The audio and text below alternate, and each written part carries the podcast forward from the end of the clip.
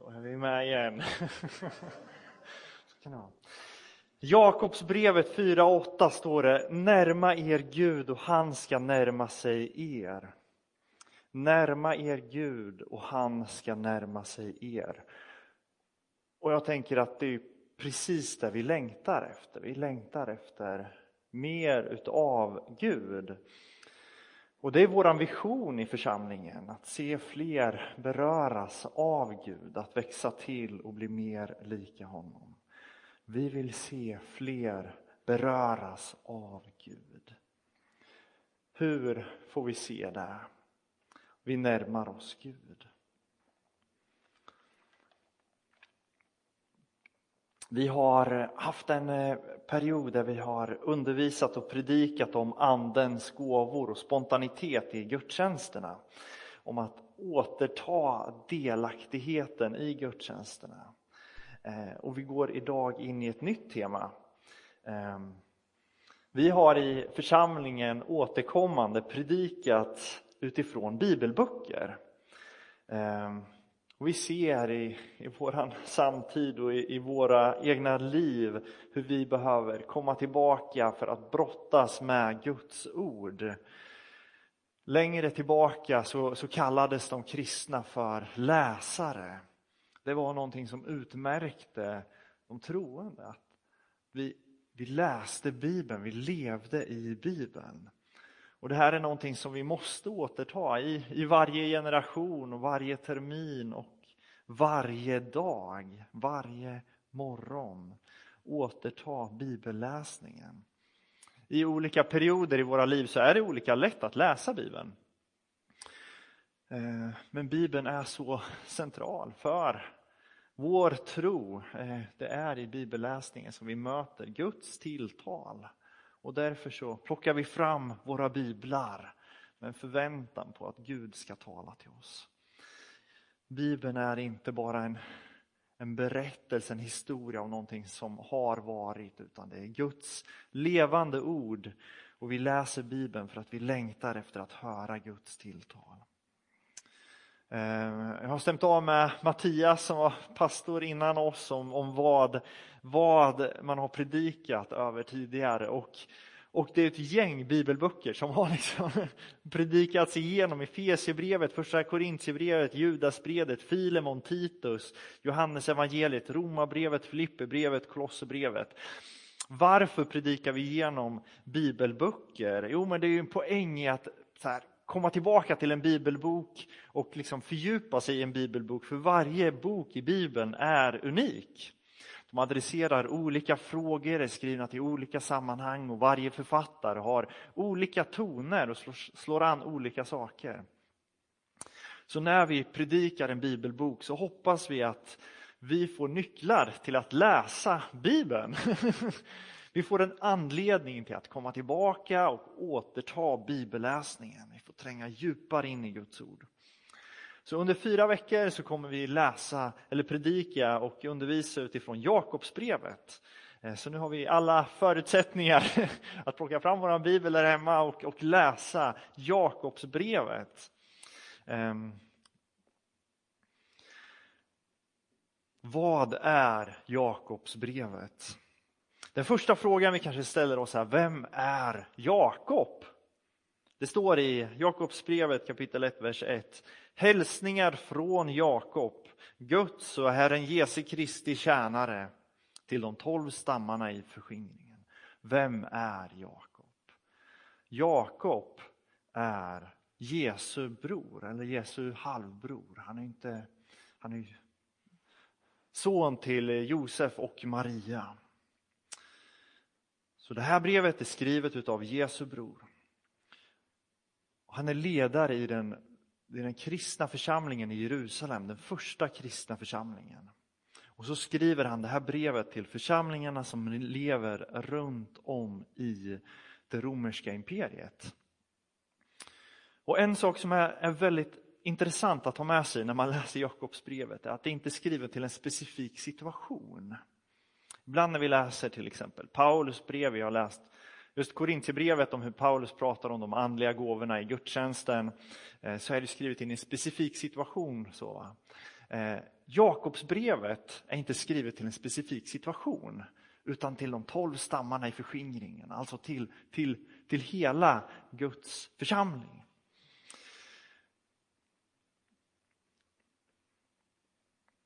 Jakob skriver Varifrån kommer all kamp och strid ibland er? Är det inte från begären som för krig i era lemmar? Ni vill ha, men får ingenting. Ni dödar av avund, men uppnår ingenting. Ni kämpar och strider, ni har ingenting, därför att ni inte ber. Ni ber, men får ingenting, därför att ni ber illa. Ni vill bara tillfredsställa era begär. Ni trolösa, ni vet inte att vänskap med världen betyder fiendskap med Gud. Den som vill vara vän med världen blir fiende till Gud. Eller tror ni att det är tomma ord när skriften säger svartsjukt kräver Gud åt sig den ande han har låtit bo i oss. Större är dock den nåd han ger oss. Därför heter det Gud står emot de högmodiga men de ödmjuka visar han nåd. Böj er alltså under Gud. Stå emot djävulen och han ska fly för er. Närma er Gud och han ska närma sig er. Gör era händer rena, ni syndare, och rena era hjärtan, ni tvehågsna. Sörj och gråt och klaga. Vänd skrattet i tårar och glädjen i sorg. Ödmjuka er inför Herren och han ska upphöja er. Jakobsbrevet kapitel 4, vers 1-10. Det här är, om ni hängde med, ganska tuff läsning. Eh, och det som är intressant är att han skriver inte till en specifik situation. Utan han skriver till de kristna som är liksom spridda i imperiet.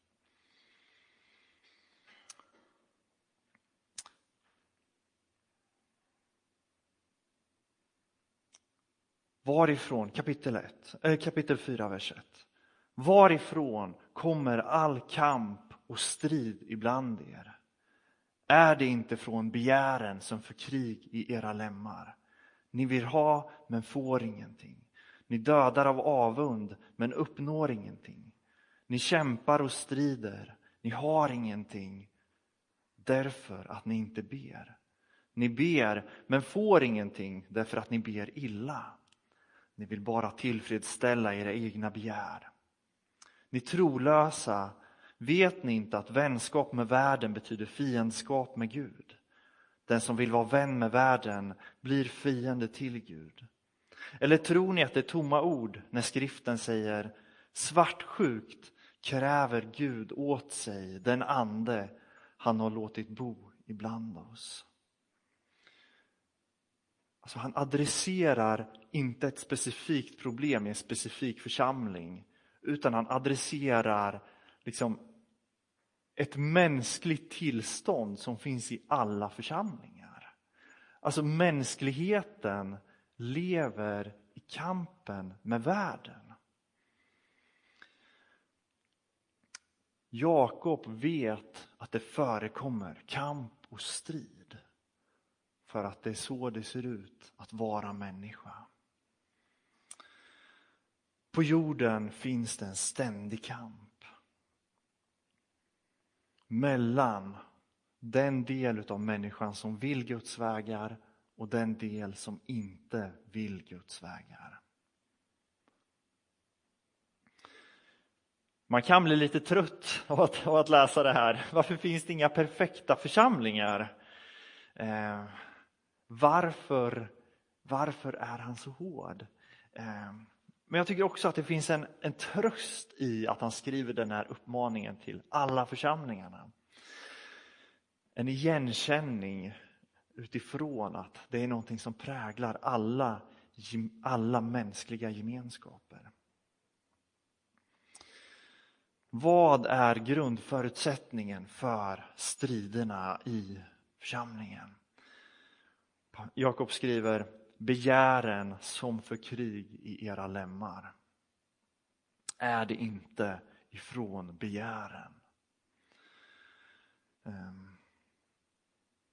Och här kan vi alla frimodigt säga att jag känner igen mig i det här. Jag känner igen mig i att begären för krig i mina lemmar. Som människa så brottas vi och så brottas jag med begär. Efter. Det kan vara allt möjligt, materiella saker, det kan vara sexuella saker. Jag längtar efter social bekräftelse. Jag längtar efter god mat. Vem älskar inte god mat? Det är till och med så att ökenfäderna, ni vet de här som liksom reste ut och satte sig i öknen och, och, och, och levde sitt liv skilt ifrån världen sa att begäret till, eller roten till allt begär är frosseri. Alltså det djupaste, det djupaste begäret som driver oss är frosseri. Så här. Ehm, kanske vi inte tänker till vardags, vi är så vana att, att ha mat i överflöd och så. Ehm, vi kan Eh, vara utan bil, vi kan vara utan sex, vi kan vara utan tv, men att sluta äta pizzan när det är en bit kvar i pizzakartongen, det är svårt. Ehm, jag och Tovelina vi var och köpte godis. Ehm, och Tovelina hon får köpa fem bitar. Och det är tufft alltså. Ehm, de har kampanj nu. Två kronor kostar det. Ehm, begären för krig i våra lemmar. Så fortsätter han, ni vill ha men ni får ingenting. Ni dödar av avund men uppnår ingenting. Ni kämpar och strider.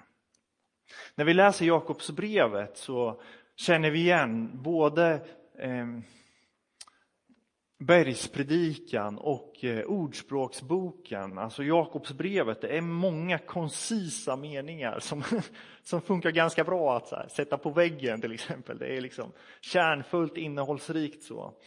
Många one-liners som man säger. Um, när Jesus skärper buden i bergspredikan så pratar han om att vi inte ska dräpa. Och så omformulerar han det som att, som att du ska inte bli vred på din broder. När Jakob kopplar an till, till bergspredikan så är inte hans anspråk att ja, men, i alla församlingar i imperiet så håller ni på att dödar varandra. Det är inte det som, är hans, som han ser så, men att, men att det förekommer vrede i församlingarna. Församlingarna ligger i strid med varandra. Och vad bottnar församlingarnas strid i? Jakob skriver i vers 2. Ni har ingenting. Församlingen har ingenting. Och varför har de ingenting? Därför att de inte ber. Och visserligen ber de, men de ber illa. Därför har de ingenting, säger Jakob. Vad då ber illa? Vad då be illa? De ber av fel anledningar böner som styrs av begär.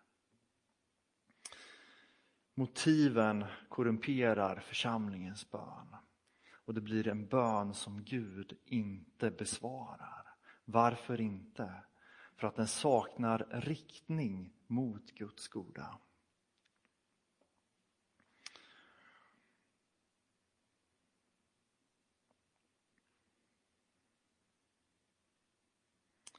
Ni ber men får ingenting därför att ni ber illa. Ni vill bara tillfredsställa era egna begär. Och den här bönen är meningslös. Löftet om att vi får det vi ber om eh, är inte ett ord som, som, som vi kan använda emot Gud utan ett ord som, som måste vara i enlighet med Guds vilja. Eh, vi måste be enligt Guds vilja. Efter att ha beskrivit konfliktsituationen bland, bland de troende i församlingen om hur deras böner korrumperas av begär så vänder Jakob fokus mot deras relation till Gud. Och så skriver han i vers 4. Ni trolösa, vet ni inte att vänskap med världen betyder fiendskap med Gud? Den som vill vara vän med världen blir fiende till Gud. Eller tror ni att det är tomma ord när skriften säger Svartsjukt kräver Gud åt sig den ande han har låtit bo i oss. Ni trolösa, skriver Jakob. Moi chalides på grekiska, äktenskapsbryterskor. Ni äktenskapsbryterskor kallar han församlingarna. Ni kan inte vara vänner med världen och samtidigt vara vänner med Gud. Och just bilden av en äktenskapsbryterska, äktenskapsbrott, är en bild som återkommer i Gamla Testamentet hos Hosea och Jeremia som använder det för när folket tillber andra gudar, Israels avgudadyrkan som, som liksom på ett sätt försökte bevara relationen till Gud men som samtidigt tillbad andra gudar. Och ofta handlade det också om politiska lojaliteter till andra härskare än till Gud. Och på samma sätt så faller församlingarna till att lita till andra makter än till Gud. Och så ställer Jakob frågan, vet ni inte att vänskap med världen betyder fiendskap med Gud? Och här hos Jakob så finns det inte ett mellanläge. Han är svartvit liksom. Antingen så är vi vänner med Gud eller med världen. Vi kan inte vara vän med båda. Världen är ett centralt begrepp i Nya Testamentet. Hos Johannes, Johannesbreven och Johannes evangeliet så återkommer världen. Vad betyder världen? Vad innebär det att vara världslig, att vara vän med världen? Världen är det system som avskärmar människan från skaparen. Och Jakob han räknar upp en, en lista på olika konkreta konsekvenser där världslighet leder till kamp, strid, mord, avund, självisk njutningslystnad, självhävdelse, skryt, lögner och all slags onda handlingar. Men den som är vän med Gud strävar emot någonting annat mildhet, renhet, frid, barmhärtighet, uppriktighet och sånt som leder till rättfärdighet och fred. De dubbla lojaliteterna är omöjliga för att de för oss åt olika håll. Människan har bara ett hjärta. Och vi känner igen Jesu undervisning i bergspredikan, ingen kan tjäna två herrar. Jag tror att vi som människor väldigt ofta försöker förena saker som vi, vi, vi älskar Jesus men, men vi vill också ha, ha andra bitar. så. Och Jakob ser det. Han ser det i församlingarna. Det är inte bara en, en konkret situation utan det är, ett, det är ett mänskligt tillstånd.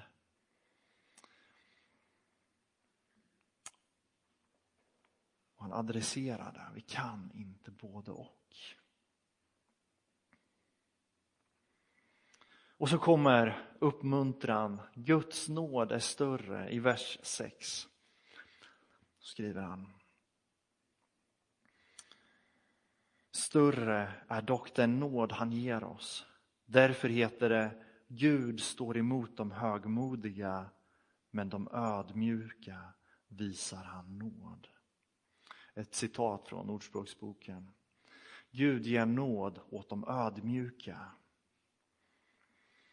I Bibeln så vänder Gud upp och ner på tillvaron. Jesus lär oss att det är saligare att ge än att få. Det är bättre att vara fattig än att vara rik. Det är bättre att vara ödmjuk än att vara högmodig. De stolta står som förlorare medan de ödmjuka segrar. Det här är diagnosen som Jakob ser i Guds församlingar som är spridda över imperiet. den mänskliga naturen.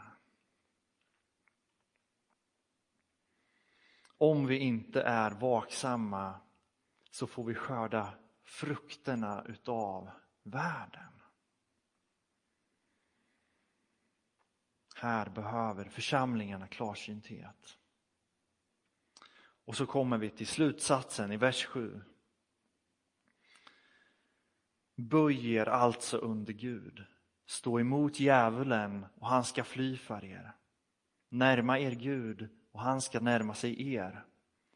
Gör era händer rena ni syndare och rena era hjärtan ni tvehågsna. Sörj och gråt och klaga. Vänd skrattet i tårar och glädjen i sorg. Ödmjuka er inför Herren och han ska upphöja er. Varje församling och varje människa måste välja sida. Var har jag min lojalitet? Stå emot djävulen, säger Jakob. Det finns en andekraft bakom människans lojalitet till världen. Djävulen. Och precis som Gud står emot de högmodiga så måste vi stå emot djävulen. Djävulen som är den yttersta representanten för högmod. Och just den här kampen har kristna i alla tider stått i. Och utmaningen är att överlåta oss till Gud. Att leva överlåtet till Gud är att inte lämna någonting åt djävulen utan då ska djävulen fly ifrån er. Och den som gör det har ett löfte om frihet ifrån det ondas makt.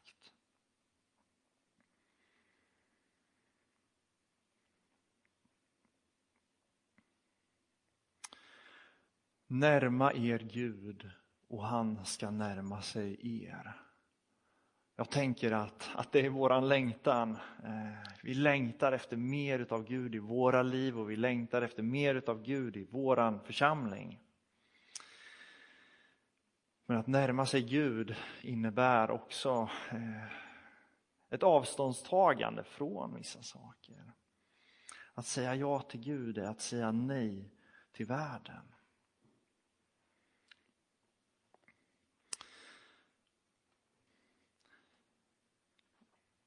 Jag hoppas att eh, att vi eh, under en, en, period får gå in som församling och läsa Jakobsbrevet. Det är fem kapitel, man kan läsa, man kan läsa det på vad kan det ta, en kvart och läsa igenom. Eh, och kanske att, att vi som församling skulle behöva återkomma till Jakobsbrevet.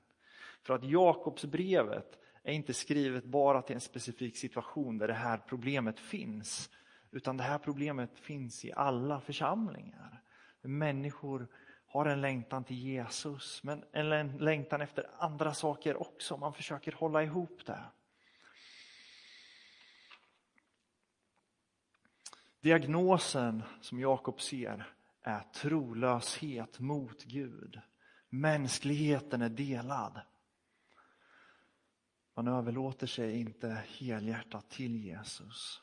Och därför måste varje församling och varje människa rena sin överlåtelse, eh, rena sina handlingar. Jakobsbrevet är en vädjan om att komma tillbaka. Och för den som omvänder sig så väntar en upprättad gemenskap med Gud. Så vad är utmaningen i Jakobsbrevet? Det finns en tydlig kamp. Det finns en kamp mellan högmod och ödmjukhet. Och här måste vi var och en utkämpa en strid. Högmodet avskärmar människan från Gud och gör henne sårbar för begär. Men ödmjukheten gör att människan kan ta emot Guds nåd. Och Det betyder inte att vi som människor ska förneka vår, oss själva så. Ödmjukhet innebär inte självförakt. Ehm, utan biblisk ödmjukhet handlar om att inrätta våra liv efter vem Gud är.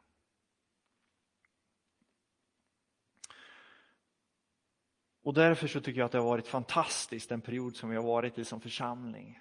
Vi har fått, under böneveckan nu fått söka mer utav Gud. Ehm, för att han ska få bli större i våra liv och för att vi ska kunna inrätta våra liv efter honom. Jag tror att Jakob kanske sticker oss i ögonen, just det här svartvita. så. Eh, jag kan ju vara den första att erkänna att jag, jag älskar att nyansera bilder. Jag gillar det här med, med, med gråskalor. Så, att, ja, men å andra sidan kan man tänka så här. Va? Jag, jag är helt för det. Um, men, men ibland när vi nyanserar och problematiserar saker så, så kan det vara för att komma undan ett tilltal, att komma undan en, en sanning. Eh, att problematisera kan vara en täckmantel för våran agenda. Och ibland så kanske vi säger både och för att också få lite utav det världsliga. Men här utmanar Jakob oss på nytt och är väldigt tydlig i att ja, men det är antingen eller. Att leva i den här tillvaron, i kampen mellan Guds goda och världen, den tvingar oss in i bön.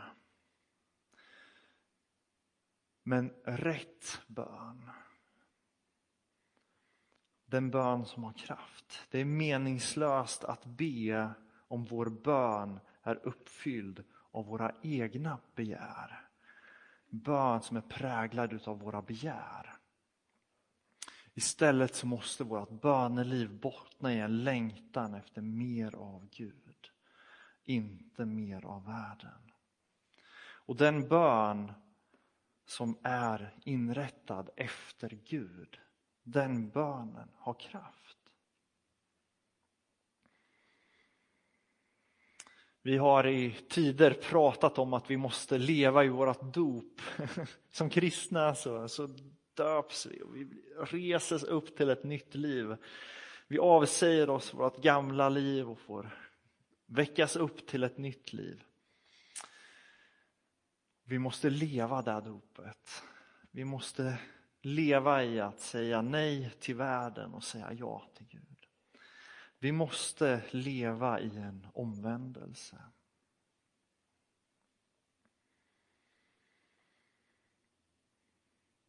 Vad gör vi för att bli fria? Vad säger Jakob? Närma er Gud. Vi går in i att under fyra veckor läsa Jakobsbrevet. Eh, det här var en, en kort inledning, Jakobsbrevet. Ta fram din bibel hemma och var med. Eh, det är skrivet till, till Guds församlingar, spridda över världen. Eh, tilltal som inte är inne i en specifik situation utan som är tilltal in i alla Guds församlingar. Och här tror jag att vi som församling tjänar mycket på att bevara den här spontaniteten i våra gudstjänster. Jag tänker att om vi tillsammans läser Jakobsbrevet så kan vi få dela tilltal i gudstjänsten också. Men det här talade till mig veckan som gick. Det här är en sanning som, som Gud har påmint mig om. Ehm, så det är min, min, min önskan och min förhoppning att vi ska få leva i Jakobsbrevet och att vi ska få få göra Jakobsbrevet levande tillsammans i våran församling. Varför? Jo, för att vi längtar efter mer utav Jesus. Vi längtar efter att se fler beröras. Och Guds ord säger att Gud närmar sig oss när vi närmar oss honom.